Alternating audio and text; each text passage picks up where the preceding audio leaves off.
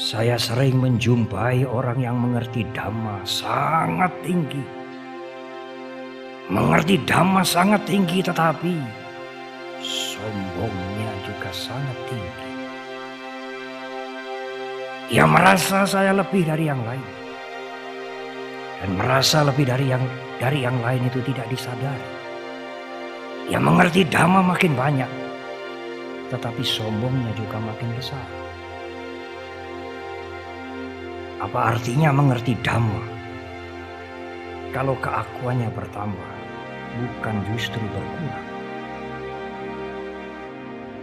Tetapi sulit Bante. Sulit untuk mendeteksi keakuan yang muncul. Memang sulit Ibu Bapak dan Saudara. Untuk mendeteksi, untuk melihat keakuan yang muncul, kesombongan yang muncul ego yang muncul hanyalah dengan kesadaran. Kalau saudara pernah meditasi, mengenal sati, mengenal awareness, maka awareness itulah yang bisa melihat pada saat keakuan itu muncul. Kalau saudara tidak mengerti kesadaran, tidak pernah bermeditasi, saudara akan enjoy dengan kesombongan saudara. Orang yang lain mendengarkan ucapan saudara sudah jengah. Orang ini sih sombong amat. Tetapi orang yang berbicara itu tidak merasa, tidak merasa kesombongannya berbunga-bunga. Karena dia tidak mempunyai kesadaran. Meditasi itu untuk mendeteksi keakuan kita. Jangan meremehkan keakuan. Keakuan itu yang memunculkan keserakahan dan kebencian. Moha itulah melahirkan keserakahan.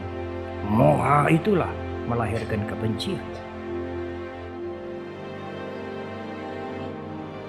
Meditasi tidak sekadar mencari ketenangan, sensasi keheningan bukan saudara.